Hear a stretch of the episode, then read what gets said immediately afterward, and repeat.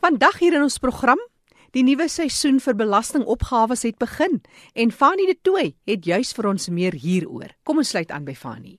Baie dankie Jackie. Vandag gesels ek met Jaco Kreer en hy 'n belastingkundige. Ons gaan gesels oor die geldelike uitdagings wat mense met gestremthede het en die belastingaspekte. Maar ons gaan ook spesifiek kyk na luisteraars navrae oor hierdie saak. Jaco Kreer, welkom by ons by RSG. Hallo Fanny. Kom ons spring sommer weg deur te sê die voordeel wat daar is vir ons bejaarde mense met gestremthede, die ouer persoon en ook mense wat byvoorbeeld in rehabilitasiesentrums is uh, in terme van toegewings van SARS vir gestremdheid en mediese aftrekkings. Dis die eerste vraag wat ingekom het hier na ons kant hierdie afgelope week. Wat sê jy vir ons? Fanny, ja, daar's baie van ons gestremde bejaardes wat in huishoudings woon saam met familielede en dan ook ander wat in aftreeoorde en spesiale versorgsentrums woon. Dis is hier 'n groot behoefte om ook hier finansiële verligting vir die verantwoordelike persone of belastingbetaler te beding deur dan 'n nodige eise in te dien. By die spesifieke aftreeoorde geniet ons gestremde bejaardes natuurlik direkte sorg met die beste en nodigste fasiliteite. Die doel is dan hier om steeds die beste kwaliteit van lewe vir hulle te gee. Uit die aard van die saak is hierdie fasiliteite in meeste gevalle glad nie goedkoop nie. Die kostes word dan veral van die persoon wat die kostes wel aangegaan het en syne dit 'n direkte familielid is of self deur die gestremde bejaarde aangegaan word. Dan is daar ook talle van ons gestremdes wat gebruik maak van rehabilitasiesentrums. Hier word die hele spektrum van die gestremdheid gedek. En 'n aantal voorbeelde sluit in persone wat in 'n motor en of 'n motorfiets ongeluk was, fisiese beserings waar 'n persoon sy gehoor verloor het, dan kondisies soos skizofrenie en Down syndroom, maar dan ook mense wat 'n matige tot 'n ergelike beroerte gehad het, waar sommige ook hulle sig verloor het. Nou by sekere van hierdie rehabilitasiesenters bied hulle ook 'n program aan waar gesigverlies gestremdes geleer word om met 'n gidsond te werk. Ander kondisies sluit ook autisme en Alzheimer in. Hierdie is maar net 'n paar van talle voorbeelde. Hier word verskeie dienste verskaf aan die gestremdes soos arbeidsterapeute, spraakterapeute, fisioterapeute, audioloë en ook ander dienste verskaffers wat spesialiseer in verwante dienste soos die gidsonderse opleiding byvoorbeeld. Dankie Jaco. Um, ons het ook talle navrae gekry van mense wat vra wat gebeur nou as iemand wat byvoorbeeld intellektueel gestremd is of geestes gestremd is wat dan skuld maak.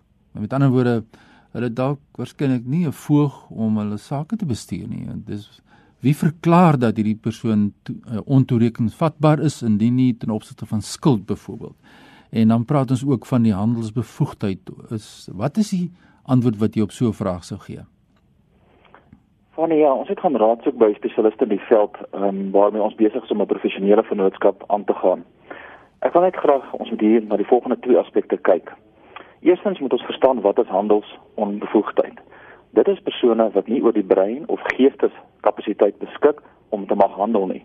Dit is dan derhalwe persone onder 18 jaar oud en of persone wat oor 18 jaar oud is wat dan 'n gestremdheid het wat beantwoord aan die definisie van handelsonbevoegdheid soos ons net hierbo genoem het. Die gestremde persoon se gestremdheid moet dus onbeperk om sy eie finansiële sake te kan doen. Dit moet ook lankdurig van aard wees en gediagnoseer word. Dan sal ons nou vra wat is die wetlike proses sou so gestremde persoon dan skuld maak en dit moet terugbetaal word? En hoe word die sogenaamde handelsonbevoegdheid dan gediagnoseer? Nou wanneer so gestremde persoon dan skuld aangegaan het, kan daar 'n aansoek na die hof gebring word deur die voog van die persoon of deur 'n aangestelde kurator. Die korrekte mediese spesialis moet dan die nodige diagnose doen wat baie dieselfde proses is as die ITADD vorm wat ons tans gebruik vir eise by SARS. Uit die aard van die saak sal dit baie meer omslagtig wees met bykomende stawende dokumentasie. Ek gesels met Jaco Kreer en ons kyk na die inkomstebelasting en voordele en uitdagings rondom hierdie saak en ons kyk spesifiek na luisteraars vrae en ons gaan ook aan die einde van die program die kontak besonderhede deurgee van Jaco indien u belangstel om verder met hom te gesels oor sake wat hier na vore kom of natuurlik sommer ander sake rondom belasting uit die mens met 'n gestremdheid se perspektief.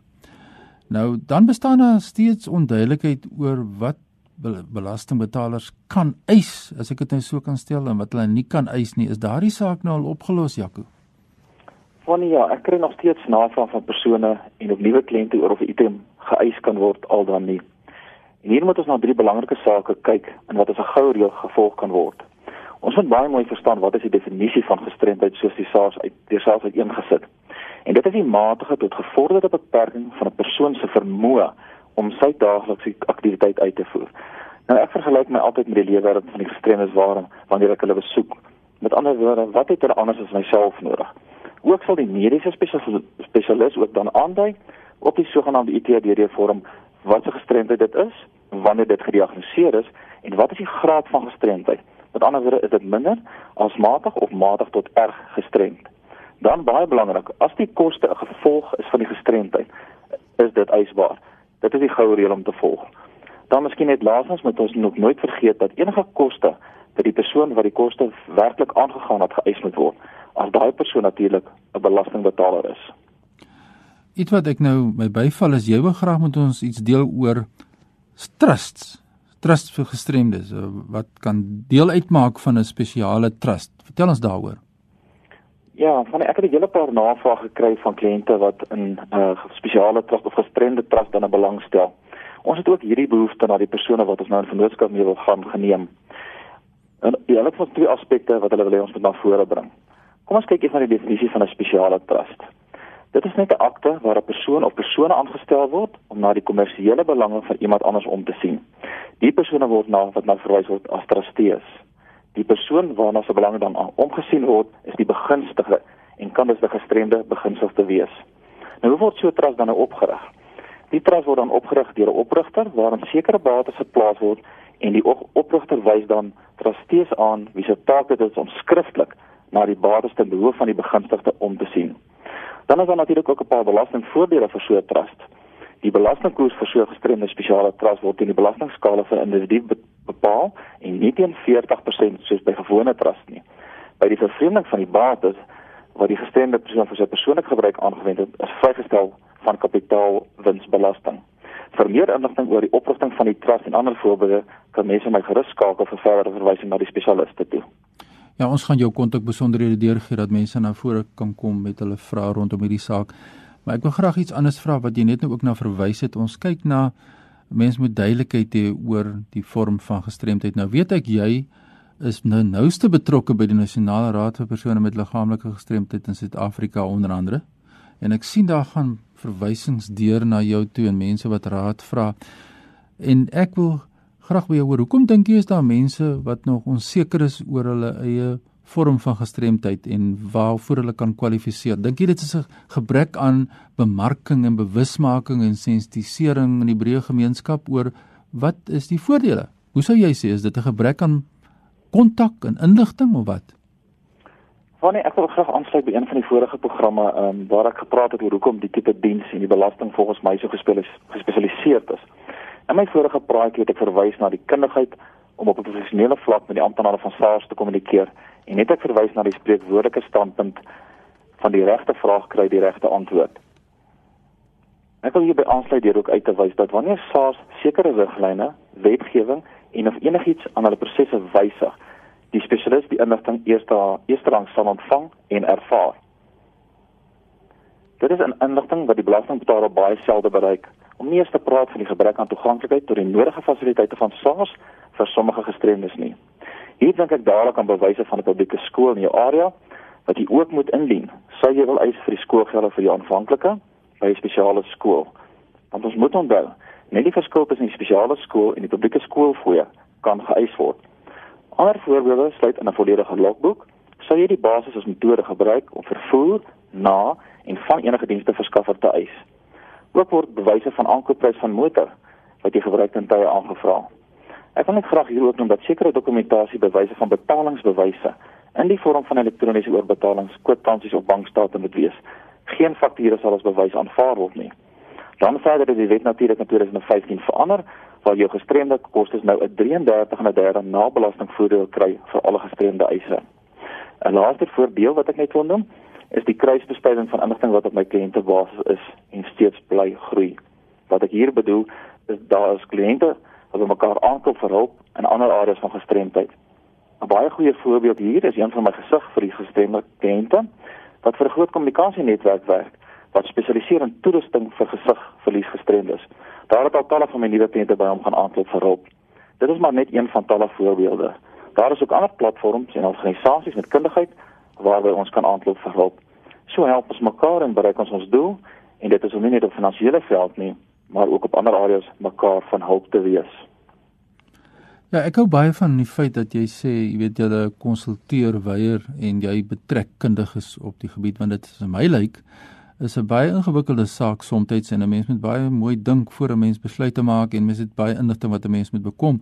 Sou jy sê daar's vordering gemaak oor die afgelope klompie jaar met al die veranderings en dis meer tot voordeel van ons mense met gestremdheid en families wat deur gestremdheid geraak word? Van ja, ek sou dink daar is heelwat uh ehm uh, uh, meer ehm um, ek weet nie bemarking nie, maar meer inligting wat van SARS as na na mense gaan met hulle mobiele eenhede en so aan. Maar op die einde van die dag is dit tog maar ehm um, die die werk moet dan tog deur die belastingspesialiste om daardie bewuswording te kweek op alle platforms moontlik en met hierdie uh, verwante organisasies ehm um, handvas te hou sodat ons hierdie bewuswording by ons gestremdes kan kweek.